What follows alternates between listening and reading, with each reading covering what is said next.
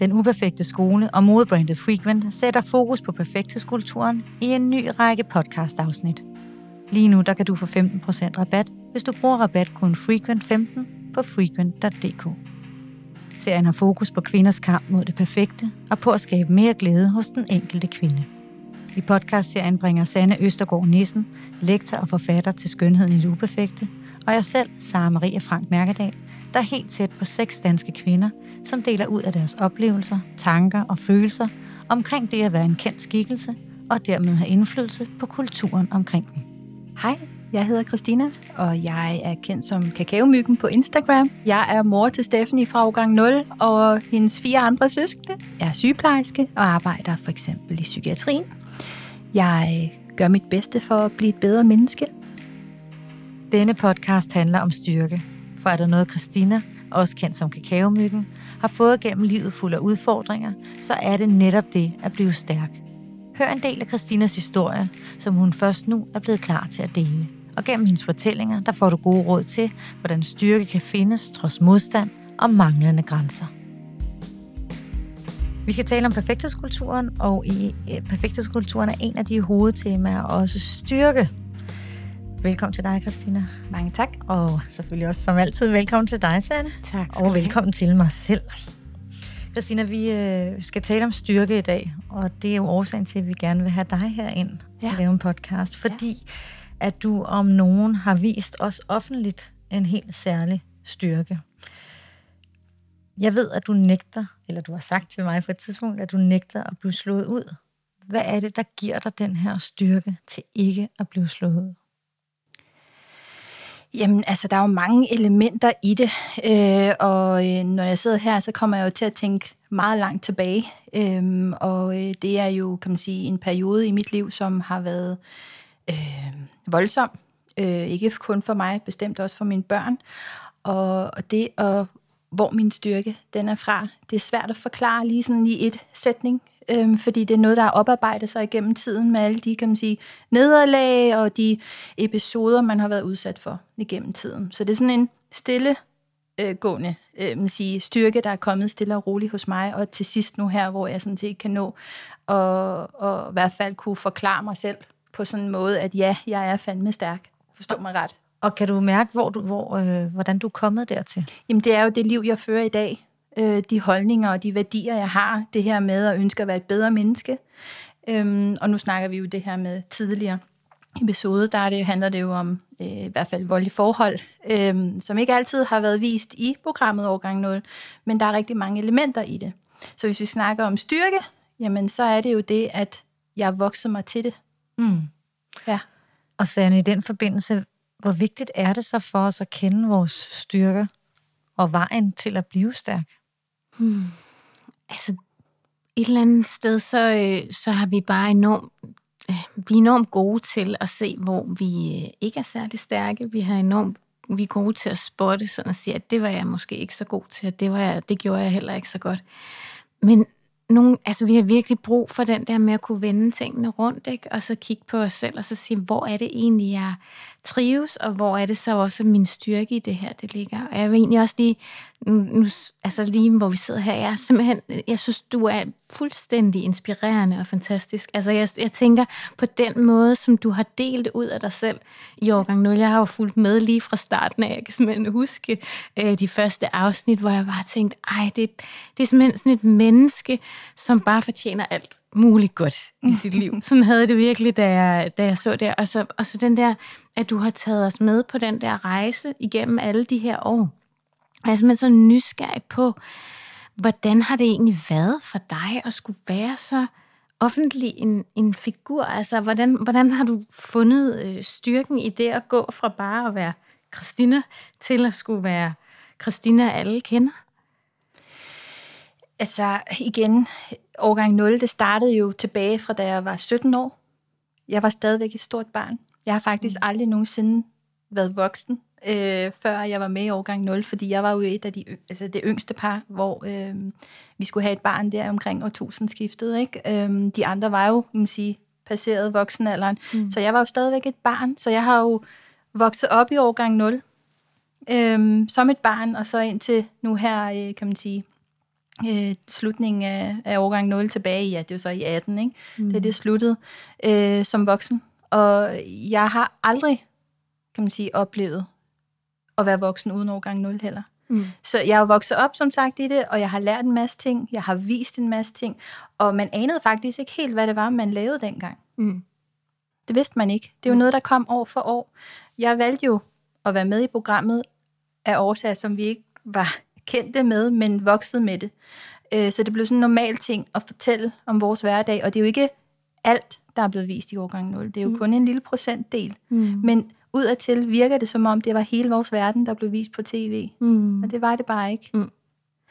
Øhm. Er der noget af det, som ikke er blevet vist i årgang 0, som du nogle gange har tænkt, det kunne jeg egentlig godt have tænkt mig kom, blive, blive vist noget mere, eller de sider kom mere frem?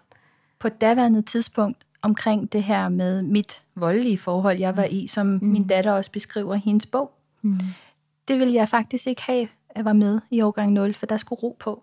Mm. Øhm, så det har ikke været med så meget. Der har været nogle klip, hvor jeg også viser mig med et blåt øje, og lige fortæller ganske kort, men det var igen en, en, en, en noget, som jeg aftalt med øh, dem, der stod bag årgang 0, var nok nødvendigt at vise, fordi det var en del af vores fortælling, uden at gå ind i detaljer. Mm.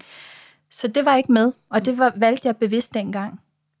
Men der var jeg også et andet sted. Mm. I dag der er jeg jo meget, meget langt fremme, mm. og faktisk ville have ønsket, det var med, fordi det viser en historie, som så mange andre kvinder kan relatere sig til, mm. eller mænd, der er i voldelige forhold, men mm. der er så mange, der kan relatere sig til det, og der er brug for omtale, at tale om det her tabu, om mm. at være voldsramt. Mm. Det vil jeg faktisk rigtig gerne vende tilbage til ja. øh, lige om lidt, men jeg vil også gerne lige nå at spørge dig øh, omkring det her med, at en ting var, at det ikke blev belyst, men det har jo alligevel været noget, du har været igennem. Hvad har det givet dig at styrke, det som du har været igennem, men som andre ikke så? Jamen, det har gjort mig til den, jeg er i dag, øh, bogstaveligt talt. Det har det. Øh, som også viser sig i den form for arbejde, jeg har med at gøre i dag med psykiatriske patienter. Øh, jeg tænker meget over, hvem jeg er, og hvem jeg gerne vil være i mit liv. Øh, jeg ved i hvert fald, hvad jeg ikke vil have. Jeg har mange ting, jeg gerne vil have, men det kan jeg ikke sætte ord på, for det kommer hen ad vejen. Sådan er det jo. Livet er så man sige, utilregneligt, men mm. jeg kender mig selv bedre nu end nogensinde. Det er en styrke i sig selv, siger jeg. Kan lidelse give styrke? Lidelse kan bestemt give en styrke. Øhm, vi lider jo alle sammen i forskellige situationer, som vi oplever i vores liv. Og hvordan vi så mestrer den her lidelse, det øh, er jo for eksempel at acceptere, at du har lidelsen. Og det i sig selv giver styrke i den sidste ende. Vi snakkede om lige før, det her med at, øh, at se andre styrker. Ja. Så er det, en, altså, er det en fordel, eller kan man drage fordel af at se andre styrker? Så når folk for eksempel har set Christina og hørt om de ting, som du har været igennem efterfølgende, som du også deler på din Instagram blandt andet, kan, kan andre så altså jeg ved selvfølgelig, kan vi godt drage fordel af hinanden, men er, mm. hvad, hvad gør det egentlig ved os at kunne drage fordel af hinandens styrker? I hvert fald det der med at se så stærkt et menneske, og et menneske, der har været igennem det, som du har været igennem, og kommet ud på den anden side, det kan jo give en hel masse til ens eget liv. Øhm, og jeg kunne også egentlig, det, det kommer også lidt tilbage til, fordi hvor tror du, du har den der styrke fra? Hvor, hvor, hvor tror du, at du på et eller andet måde, har du et, et spejl eller en person, som har været vigtig for dig, som du har kunne sige, det vil jeg gerne tage med videre? Jamen, jeg har det jo helt klart for min mor. Øhm, det er faktisk ikke første gang, jeg får stillet det spørgsmål, faktisk, mm. jeg tænker mig om. Og det er min mor, jeg kigger tilbage på, fordi at hun jo har været, kan man sige, hun har været gadebarn. Hun har levet et hårdt liv. Hun er fra Filippinerne. Øh, fattigdom. Øh, intet at spise blandt andet. Ikke? Øh, og, og hun har bare sådan en tilgang til livet, som er fantastisk. Altså hun er en overlever, en mm. survivor, mm. øh, har en yderst høj arbejdsmoral, øh, sparer rigtig meget, mm. som jo er en del af det, at man ikke har haft noget, så man skal også passe på de ting, man nu har. Mm. Så mad kan strække sig rigtig meget, eller i hvert fald langt, mener jeg. Øhm, men det er hende, jeg tror, jeg har det fra, fordi jeg har set hende arbejde så hårdt, øhm, og, og den måde, hun ellers øh, har været positiv på øh, i under hele min opvækst, og hun har arbejdet rigtig hårdt, øh, og det er med eget firma. Hun er jo så en af dem, kan man sige, som har fået en hvid mand. Altså de her øh, mænd, der sejler, øh, hvide mænd, øh, sømænd, øh, mm. som kommer til et øh, asiatisk land og finder en, øh, en lille asiatisk øh, kone. Hun er en af dem. Øh, så jeg kommer lidt fra det her Me Love You Long Time, hvis I kan forstå, hvad jeg mener. Det er jo det her med, at min far er inde på en bar, finder en filippinsk øh, dame, og de finder sammen, og vupti, så kommer jeg. Mm. Øhm, måske ikke lige på den måde, med, som jeg nu hentyder til, men det er øh, øh, det her ægteskab, som vi hører så meget om i medierne, er af negativ betydning. Ikke? Mm. Men sådan har det ikke været for mine forældre. De er stadigvæk gift, øh, lever sammen og så videre, og, og øh, selvfølgelig øh, er der jo udfordringer i det også, men altså, de er sammen stadigvæk og har det godt med hinanden, og det ser jeg jo. Så, så hele det billede af mine forældre, inklusive min mor, har vist den her positive tilgang til det hele. Det har jo bare i hvert fald påvirket mig i den måde, jeg tænker på, og til sidst føler på mm. den dag, jeg, dag, jeg er i dag. Ikke? Mm. Ja. Så når du har haft det svært, ja. er det no- hvad, hvad, hvad har du gjort? Mm. For ligesom øhm, at, at jamen, der er jo så mange elementer i det, fordi hvornår har man det svært? Mm. Altså, skal jeg tænke tilbage på den gang, jeg kan man sige, var et øh, følte mig mindre værd end en mus, for eksempel. Ikke? Altså, så er det jo nogle andre elementer i det. Hvis jeg skal relatere til i dag, hvis jeg har det svært, jamen, så tænker jeg jo på muligheder, jeg tænker om fremad, og så vender jeg mine tanker om, fordi jeg har jo lært det her med, at mine tanker, det har jo en indvirkning på mine følelser. Mm. Så hvis der jeg forbliver i den her negative bane, og ikke kan se mulighederne øh, for mig selv og for mine omgivelser, jamen så forbliver det også sådan. Altså, så ender det i en dårlig, negativ retning. Mm. Og øh, så jeg gør rigtig meget for at fokusere på det positive, selvom alt jo vir- virkelig kan være møg. Mm. øh, men det har jeg lært mig selv igennem tiden. Jeg har jo prøvet at læse mig frem til tingene. Jeg har gjort lidt øh, arbejde på mig selv i noget selvudvikling, så jeg har jo lært mig til de ting. Mm. Så det er den måde, jeg ligesom kommer igennem noget, der er svært, det er at prøve at se, hvad er der andre muligheder, mm. end at forblive i det negative. Mm. Ja, jeg ved ikke, hvordan jeg ellers skal forklare det. Det er så fint det, forklaret. Ja. Øhm, inden du kom her, der havde vi lavet et lille forinterview, hvor ja. vi snakkede sammen. Ja. Og der nævnte du blandt andet sådan noget med, at du synes, at du havde fået nogle men gennem ja. nogle af de ting, som du har været igennem. Mm. Hvad er det for nogle men, som du har fået i dit liv, og hvordan har du kunne bruge det som en styrke? Øhm, jeg har faktisk flere eksempler. Øhm, hvis vi skal tænke øh, sådan overordnet set, så er det jo som. Jeg har jo haft ufattelig dårlig samvittighed øhm, i forhold til mine børn først og fremmest. Fordi der er jo nogle, det har været et voldeligt forhold, jamen det har jo, kan man sige, øh, betydning af, at de valg, du træffer, det har jo afgørende betydning fra, hvad de andre træffer. Det vil sige min eks øh, mand. Øhm, så der har jo været nogle valg, jeg har måttet træffe, som har været pest eller kolera. Jeg vidste, at uanset hvad jeg valgte, var det noget møg, men det var nødvendigt. Og det er bare et eksempel, men det er min dårlige samvittighed, jeg har kæmpet meget med. Øhm, og men i det, det vil så sige, at jeg kan stadigvæk have dårlig samvittighed, men jeg har ligesom lært at abstrahere fra det, og så sige til mig selv, jamen, jeg kunne ikke gøre det anderledes. Mm. Og det er den der, man dunker sig selv mm. oven i hovedet mm. hele tiden, men jeg prøver at vente den om til, at jeg kunne virkelig ikke gøre noget anderledes på det tidspunkt. Så det er det, jeg fortæller mig selv øh, i forhold til det. Den anden, det er jo det her med videre i et andet parforhold. Øh, og der kan jeg også mærke, at jeg har... Øh, jeg, jeg for eksempel... Øh, jeg bryder mig ikke om, når min kæreste bliver sur. Og det kan være små, bitte ting. Og lige nu kan jeg godt sige, men altså, det er bare sådan en simpel ting, man skal jo bare svare igen og så videre, men der har bare fået det med mig, at jeg bliver meget ydmyg og meget øh, bange for, at han bliver sur. Og jeg kan slet ikke være i det, hvis der han bliver sur. Det ser jeg også som et min, fordi det er jo lidt det her med, at selvfølgelig må man jo gerne være sur, men det er jo ikke ens betydende med, at han vil gøre mig ondt, som jeg jo tidligere har oplevet. Ikke? Øhm, og så et element mere, det er jo det her med, at jeg har en masse flashbacks faktisk også. Øhm, og det kan være alt fra for eksempel min gaffel, eller min, min skuffe med bestik. Jeg har sådan lidt, han var meget, øh, min tidligere øh, i det her, det her forhold, jeg har haft. Øh, det hele skulle stå på ræde række. Det skulle stå i gaffel, ske og kniv.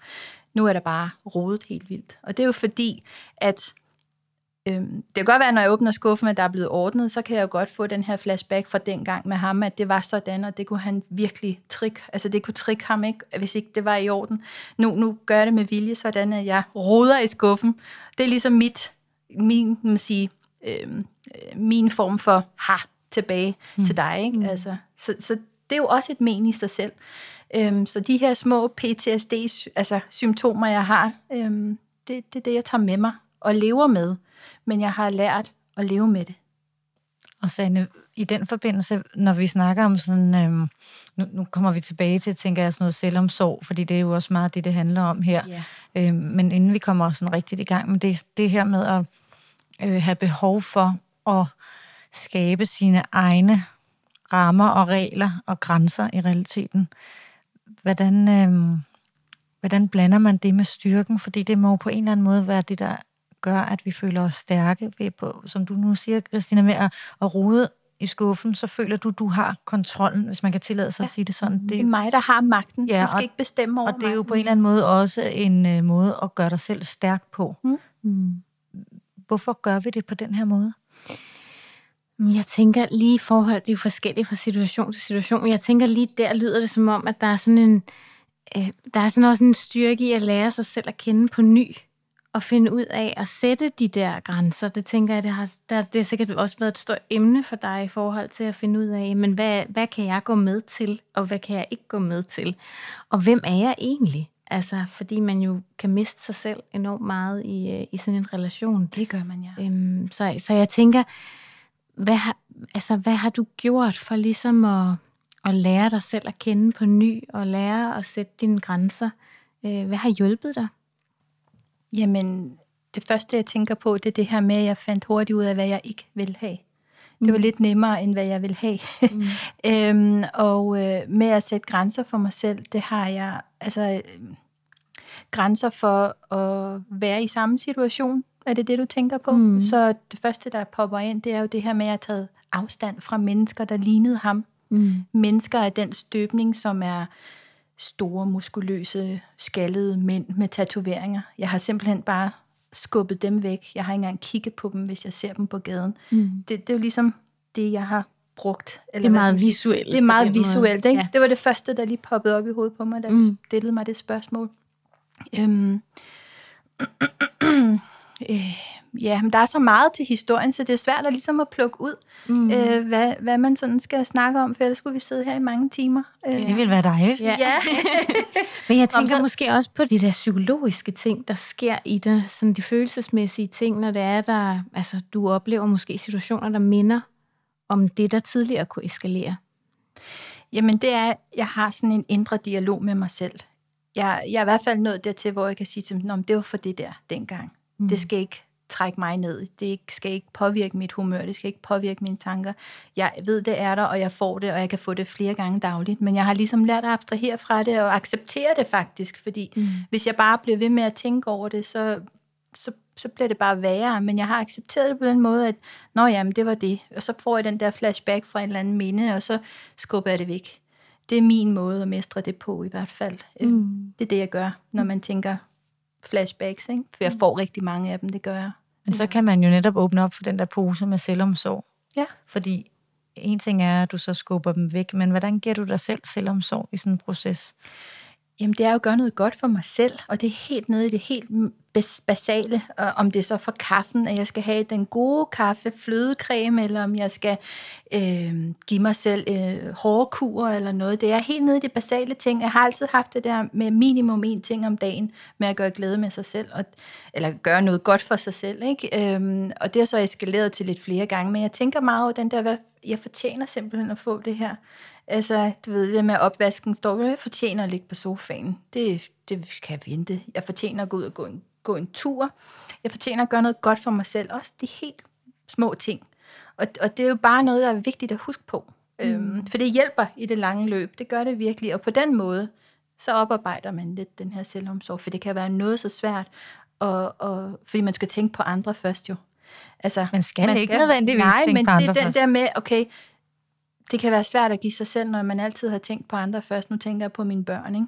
Mm. Øhm, og selvom det det er mine børn, så, så er det faktisk først dem. Mm. Sådan har jeg haft det i meget lang tid på grund af min dårlige samvittighed. Mm. Øhm, så det her med at lære mig selv, jeg må godt, mm. det, det, det er også en proces. Mm. Øhm, og det har taget rigtig mange år. Mm. Det har det faktisk. Men det er jo også så absurd, ikke? At os kvinder, vi er så gode til at give omsorg til andre ja. mennesker, at vi og så når det er, at vi skal give det til os selv, så kan vi stå der og tænke, nej, det er jeg ikke helt sikker på, at jeg fortjener. Så jeg synes egentlig, den der sætning der, den håber jeg også, at lytteren sidder derude og tænker, godt, den tror jeg, jeg skal til at implementere i mit liv. Ikke? Ja. Altså, jeg fortjener faktisk det her i dag. Måske ja. bare, hvis man sagde én ting mm. om dagen. Mm. Hvad er det? Hvad fortjener jeg i dag ja. af gode ting? Ja. Jeg kan gøre for mig selv. Mm. Altså, som jeg ikke har brug for, at alle andre skal gå og gøre for mig, eller jeg ikke har forventninger, at alle andre skal gå og, og, og, og gøre de her ting for mig, men noget, jeg faktisk kan gøre for mig selv, fordi jeg egentlig har fortjent det. Ja, og det er helt nede i det basale. Det er helt nede i det basale for, mm. hvad man nu har i sit liv, som jeg nævner med kaffen ikke? og fløden. Mm. Og det skal man blive ved med. Mm. Og, og det er små ting, men det hober sig op. Mm. Og til sidst så er det jo sådan lidt større ting. For eksempel, jeg har lige været på spa-ophold med 23 andre kvinder her i weekenden. Det er et valg, jeg har taget.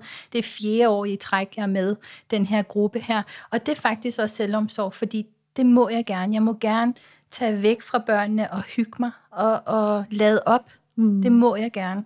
Så det er det der med selvomsorg for sig selv. Du må gerne de ting. Mm. Er det noget, der først er kommet her senere hen, og du har fået den følelse, ja. at du godt måtte det? Ja, det er det helt bestemt, fordi når man, når man tænker på voldelige forhold så videre, så ved, der er der mange, der ikke kan forstå det. Der er mange, der ikke kan forstå, hvorfor kvinder er i det, og forbliver i det, og ikke bare går deres vej. Det er så en helt anden snak. Men det er jo det her med, at når man er i sådan et forhold, så bliver man simpelthen øh, lagt ned, bogstaveligt talt. Altså, du, du bliver det hedder også psykisk øh, terror. Ja, man mister vel også ja, man mister sig selv. Og man mister sig selv, man mister selvtillid, man mister hele sin sjæl faktisk. Mm. Det er sådan, man føler det. Og øh, det skal oparbejdes igen, og det er ikke bare lige noget, man bare kan sige til, mig selv, til, sige til sig selv, man skal gøre. Det er virkelig noget, der tager overvis. Og selv den dag i dag, selvom jeg sidder og siger det, har jeg stadigvæk lidt i baghovedet.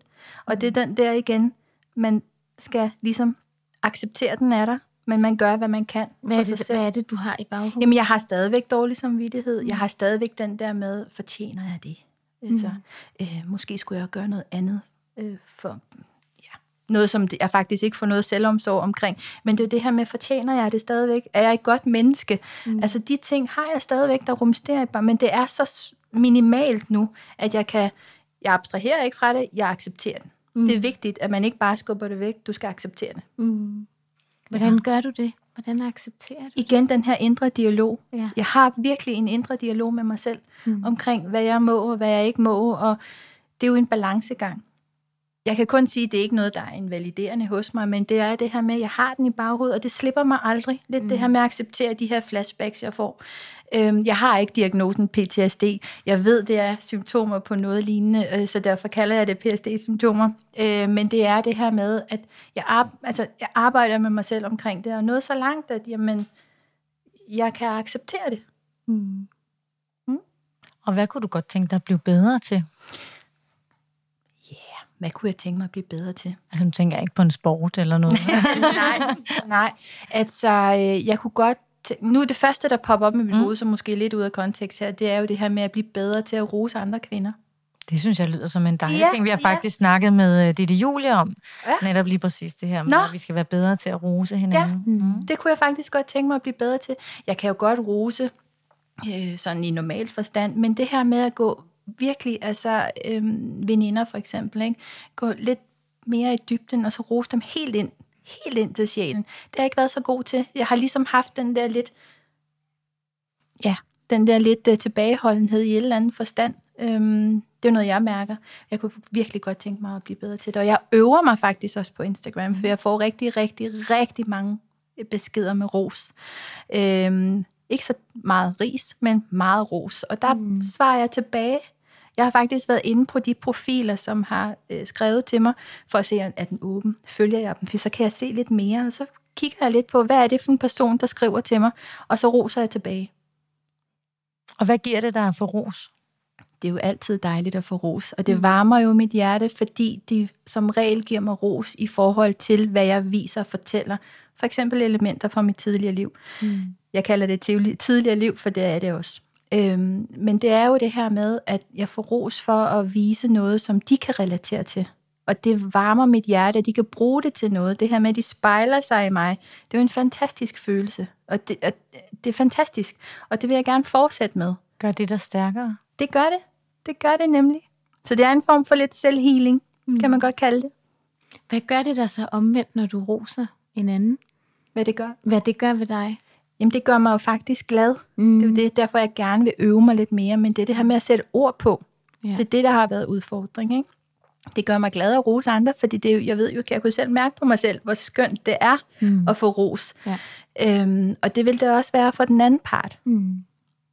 Så det gør mig faktisk rigtig glad. Ja. Hvis nu, at der er nogen derude, som tænker, at de godt kunne bruge noget af den styrke, som du har vist øhm, gennem dit liv, har du så ikke nogen gode råd til, hvad, altså, du, jeg, jeg ved godt, du undervejs har nævnt en masse ting, ja. men har du sådan en eller anden form for, øhm, nu siger jeg tre gode råd, det kan også være fem gode råd, men har du noget, som du sådan egentlig måske har, jeg ved godt, du ikke fysisk sikkert har en liste over det, men altså sådan tre ting eller fem ting, som ligesom er det, som, som du går efter, eller som du synes, andre skulle gå efter, hvis de føler, at de, skulle, at de har brug for noget styrke? Altså først og fremmest, så tænker jeg, at man skal lytte til sin egen mavefornemmelse. Man skal lytte til den der dialog, man har oppe i hovedet, der måske er pakket lidt væk, afhængig af den situation, man er i. Men man skal lytte til sig selv. Man skal lytte til mavefornemmelsen, jeg snakker om her. Øhm, og det fortæller også, hvad man kunne tænke sig, og hvad man ikke kunne tænke sig. Øhm, og, og det, hvis du lærer at lytte til den, der er mange processer i det, men du skal lytte til den. Det er vigtigt, du lytter til din mavefornemmelse. Det er første mm. øh, råd. Det andet råd, det er jo det her med at bruge dit netværk. Øhm, hvis du har et netværk, selvfølgelig, og øh, det er ikke alle, der har det. Øhm, jeg havde så et netværk, der trak sig på det tidspunkt, men de var der stadigvæk ude i periferien, så dem fik jeg tilbage igen, kan man sige, efter de, den årrække der øh, med det her forhold. Øhm, dem brugte jeg. Jeg brugte den der også menneske. Jeg accepterede faktisk at spørge om hjælp, fordi man beder ikke bare om hjælp. Øhm, og, og ved at jeg spurgte om hjælp, så fik jeg også i sidste ende styrke mm. øhm, til at kan man sige, komme igennem de ting, øhm, det nu kræves at komme ud af sådan et voldeligt forhold. Og det var jo ikke nemt for mig at komme ud heller, øhm, som det formentlig også er for mange andre, der er i det. Det er ikke bare lige noget, man gør. Jeg kom jo igennem, kan man sige, eller ud af det med ja, den følelse af, at nu står jeg ved en skillevej, jeg skal vælge, enten dør jeg det her, eller så kommer jeg ud med min. Jeg kom så heldigvis ud af det med min. Fordi det er jo der, man nogle gange skal nå til, før man kommer ud. Ja. Hvorfor skal vi nå, øh, Sande, så langt ud, for at vi finder en, en helt særlig styrke ind i os? Åh, oh, det er altså et rigtig godt spørgsmål, ikke? Altså, fordi, ja. hvad, er det, hvad er det, der gør? Men det er jo det der med, måske er vi bare ikke blevet gode nok til at passe på os selv, og måske er vi også øh, ja, altså, i processen. Altså, er det det, der har gjort, at man egentlig ikke har fået givet sig selv den der omsorg i forhold til at få sat sine egne grænser? Øhm, tænker jeg rigtig meget, når jeg i hvert fald også øh, hører din historie. Og så det der med, at altså, vi vil jo på en eller anden måde, ville det være meget nemmere, hvis man bare havde en krystalkugle og kunne, kunne gå ud i den, og så, altså, eller bare kunne se sig selv udefra. Ikke? Men det, vi har svært ved egentlig at se den der situation, vi står i udefra, og så sige, her må der gøres noget. Altså ja. både, både når det er en skidt situation, men måske også når det er en god situation. Ikke? Altså, men altså det der med at finde ud af, hvad er det egentlig for en, altså, hvad er det egentlig for en situation, jeg står i? Og, og den kan være svær. Nu snakker jeg om den her skillevej her, øhm, og jeg anede ikke, den ville komme lige på det tidspunkt, men det var på tide, den kom. Mm. Øhm, og for mig, der var jeg meget overrasket over, hvor kom den styrke fra. Mm. Øhm, og, og hvis vi skal gå helt i, i detaljer omkring det, jamen, så var det jo sådan, at øh, der blev sagt noget om nogle børn, som mine børn, der blev underprioriteret. Øhm, og det var ligesom dråben for mig. Øh, han valgte hundene frem for børnene, og det var dråben. Mm. Og, og der fandt jeg bare i et splitsekund et eller andet styrke at sige fra. Og det var så meget fra, at jeg kunne stå der og tænke, enten kommer jeg ud af det med ja, en gravsten, eller så får jeg min af det. Øhm, og, og, og, og, og det er den situation, jeg hele tiden husker tilbage på, så hvor jeg mærker min allerførste styrke mm. i det. Mm. Øhm, og jeg kan ikke forklare det. Jeg, det var bare ligesom en dråbe øh, for mig, at han prioriterede hunden øh, frem for børnene mm. i den her situation. Og så fandt jeg modet også mm. til at sige fra. Øhm, og det var ikke så let. Øhm. Jeg tror også ofte den der med, hvis man, hvis man er mor, ikke? Altså, du kan, du kan næsten gøre alt ved mig, men du skal sgu ikke røre ved mine børn. Altså, du skal ikke gøre noget ved dem, eller udsætte dem på en eller anden måde for noget, at vælge nogle, noget hunden frem.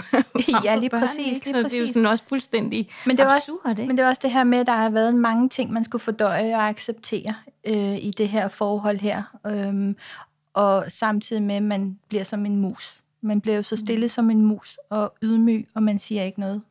Øhm, og det var bare det, der gjorde, der kom min styrke for allerførste gang med fuld hammer simpelthen.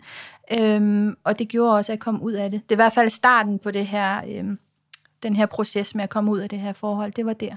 Mm. Ja. Sanne, hvad kan vi gøre, hvis vi står ikke nødvendigvis i en lignende situation, som Christina har gjort, fordi forhåbentlig er der ikke så forfærdeligt mange, der står i en situation med. Der, nej. Nej, jeg ved godt, at, at der desværre er rigtig mange, der gør det, men man kan jo også stå i mange andre situationer i livet, hvor man ikke føler, at man er stærk, eller at man har brug for mere styrke for at tage det skridt, som der skulle til for dig, hvor det så lige var, altså at et, øh, et blåt øje ikke var nok, men det med at vælge hunde frem for børn var den store skillevej. Der er jo mange mennesker, der står i situationer, øh, hvor at, øh, inklusive mig selv har jeg prøvet masser af gange, hvor man føler, at man simpelthen godt lige kunne bruge lidt flere point på styrkeparametret, for at man kunne tage den beslutning, som man har brug for at tage. Hvor er det, vi finder det inde i os selv?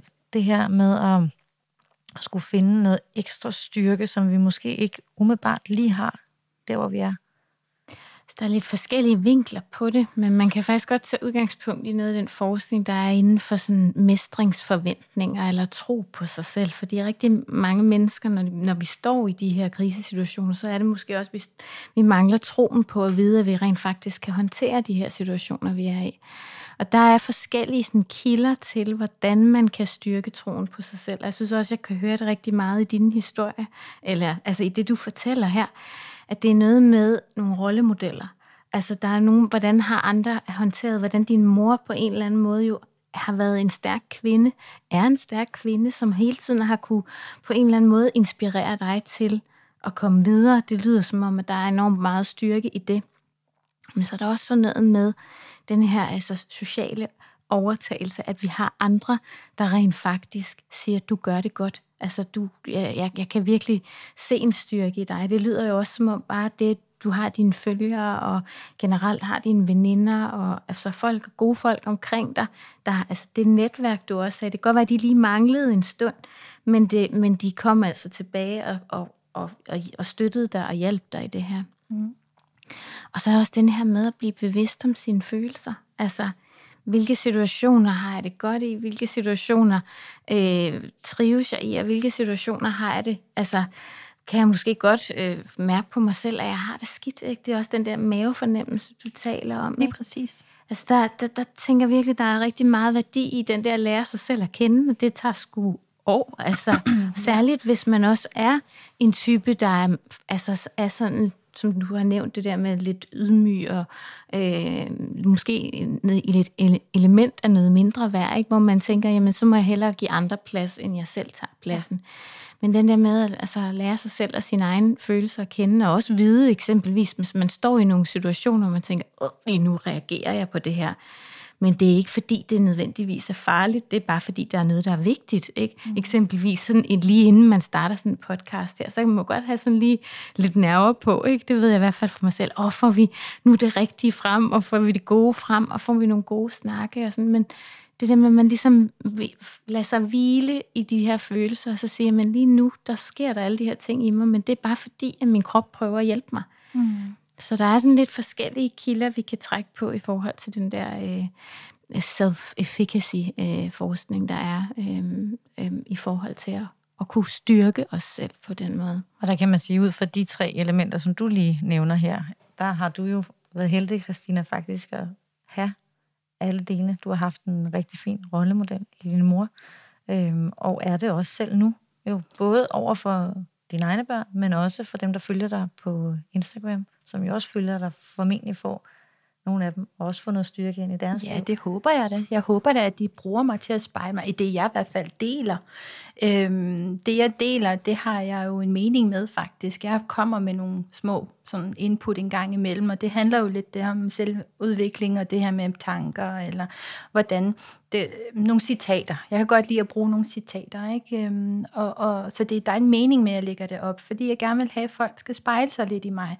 Og så vil jeg jo også, kan man sige, have dem, der følger mig, det er nogen, der føler sig inspireret af mig, så det kan hjælpe dem mm. på en eller anden måde. Mm. Øhm, og jeg vidste jo ikke, at jeg ville bruge Instagram på den måde, som jeg bruger den i dag. Jeg kunne godt tænke mig at bruge den lidt mere, men nu har jeg jo også et fast arbejde. men det er det her med, at hvis jeg har Instagram-profilen her, så bruger jeg den også til lidt sjov fis og ballade, men jeg vil også bruge den, øh, hvor det giver mening. Som et Og er talerør. Et talerør ud til de her, ja, jeg tror, jeg har snart 33.000 følgere. Ikke? Altså, det er ikke øh, dem, en af dem, som... Jeg er ikke en af dem, der har mange, mange følgere, men det er øh, nogle man sige, følgere, som er fyldt med værdi for mig. Mm. Øhm, de følger mig jo af en grund, og derfor så vil jeg gerne fortælle noget videre, som de kan bruge og, og hjælpe. Og det er jo også en form for netværk, som du Ja. sagde før, øh, at det der med, at man har sit netværk, om det så er i realiteten en støtte fra nogen, man egentlig ikke som sådan kender, mm. eller om det er det netværk, som du også nævnte før med dine venner, der egentlig støttede op om, som var det andet element for dig, mm. Sanne, da du fortalte om, hvad man havde brug for. Ja. Øhm, og så øh, til sidst, så nævnte du. Jeg glemte faktisk også at nævne en. Jeg nævnte det her med følelser og lære sig selv Ja, præcis, kende, fordi det er jo Ja, en del af det, ja. du også har selv været inde i. ja. Det der med, at du kender dine grænser, på en eller anden måde har lært dem på den, Altså- må jeg sige, lidt hårde måde, Ja. men alligevel har sat dig ned, så- på sat dig ned og fundet ud af, hvor er det mine grænser, de går. Ja. Øhm, og hvad vil jeg være med til, hvad vil jeg ikke være med til, og skal skuffen rode, så skal skuffen rode, fordi det bestemmer jeg. Ja. Ikke? Men så var der en ting mere nu. Succesoplevelser, mm. faktisk. At vi har bare de der små oplevelser af, at vi kan håndtere situationer, og det går os godt. Ja. Og det lyder virkelig også enormt meget mm. som om, at du jo hele tiden, du får et drøbvis Ja. de der, eller er det, er det ikke også Jo, det? men det, det er det. Altså nu var det bare lige det her med den her øh, kniv og gaffel og knivskuffe øh, hvad hedder det, eksempel, jeg kom med. Der er så mange andre eksempler, hvor jeg har gjort det samme. Lidt den der med, at jeg giver tilbage ved, og så roder det bare, eller mm. ja, øh, dem er der mange af. Men det er jo det her med de her succesoplevelser, hvad jeg har gjort for mig selv også. Mm. Øhm, nu har jeg jo sat mig et nyt mål her for forrige år, hvor jeg skulle gå en masse kilometer. Ikke? Altså, det i sig selv er en succes. Øh, mål for mig. Øhm, og så er alle de ma- mange små succeser. Øhm, og jeg kigger faktisk tit på mine børn, øhm, som også har nogle udfordringer. Det har alle børn næsten, altså udfordringer. Men nu må jeg lige nævne det her med min datters bog, fordi det bærer også præg af det her øh, forhold, jeg har haft. Og det er jo en succes i sig selv, at hun er nået så langt, og har valgt at skrive en bog om mm. tingene. Selvom det har været man sige, nogle, nogle lidt barske ting, der bliver skrevet i den bog. Øh, men det er en succes for hende, Mm. og det er en succes for mig. Det er også Fordi flot, jeg står ved, hun er kommet videre. Ja, lige præcis. Og det er det, jeg gerne vil have, at hun skulle gøre. Stå ved sig selv, og ikke i hvert fald leve et filterløs liv. Mm. Øhm, og det gør hun. Mm. Og det er en succes for mig, for det er noget, jeg har ønsket i rigtig mange år. Det her med, at ja, hun er Stephanie fra årgang 0, men selvom hun har været med i et program i 18 år, så er hun jo ikke speciel på den måde. Hun er speciel for os, mm. for, for forældrene, altså for mig, men hun er jo ikke speciel, speciel på den måde ud i verden, hvis I kan følge mig. Jeg tror faktisk, hun er det. Fordi man har fulgt hende sådan igennem Ja, men det er den der billede af, Men det der er det billede der, ikke også? Altså, og, og det er en succes for mm. mig som mor, mm. at uh, hun er sådan, som hun er. Ja, jeg får helt tår i øjnene. Men jeg synes, Ja, at der er masser af succes, men ikke mindst er der også masser af styrke. Altså, øhm, og det var jo det, vi skulle snakke om i dag, og det var jo derfor, du var her. Netop fordi, Ja. at, øhm, at når man både kigger på din profil, men når man også hører din historie, så øhm, er der masser af styrke i den. Og øh, styrke er en del af den øh, perfekthedskultur, som mm. man engang imellem bliver pillet lidt ned af den der styrkestige, og skal kravle op af den igen for at blive ekstra stærk. Ja. Og der er du et fantastisk symbol på, at du har klaret det, og gjort det super godt. Ja. Så tak fordi du ville dele det. Må jeg læse noget op? Ja. Ja. Det er faktisk, fordi jeg, jeg vil så gerne give dig øh, min bog. Øhm, og derinde, der, øh, så sad jeg lige og skrev faktisk til dig her. Ja. Ja. Og jeg synes, det er faktisk et af dine egne eksempler, du faktisk kommer Okay, med her. Så ja. jeg synes bare, jeg sådan virkelig følte, at ja, det skulle jeg altså læse højt. Ja. Øhm, kære Christina, i alle disse år har jeg fulgt dig i årgang 0. Jeg har ofte tænkt, at du fortjente så meget godt i dit liv. Gode mennesker fortjener godt. Så har jeg skrevet lidt mere end det. Men altså, jeg havde det bare sådan, når du lige sådan kom med det der eksempel med, at du er så, øh, det her med, at du, du fortjener gode ting, og du gør hver dag noget, hvor du tænker, jeg fortjener, fordi jeg fortjener at tage det her karbad, eller øh, gå en tur, eller fløde i kaffen. Det var det, der var eksemplet. ja. Altså, det synes jeg bare... Øh, jeg synes bare, det er så fint en ting, så jeg tænker bare, jeg håber bare virkelig, lytterne tager det til sig. Mm. Hvad kan du gøre i dag, bare fordi du fortjener det? Ja, lige præcis. Ja. Lad os slukke ned på det. Ja. Og dejligt. Tak. Selv tak. Tak fordi du lyttede med. Podcasten blev bragt i samarbejde med modebrandet Frequent. Frequent ønsker, at alle kvinder skal have det godt med sig selv og føle sig smukke. Lige nu der kan du få 15% rabat, hvis du bruger rabatkoden FREQUENT15 på frequent.dk.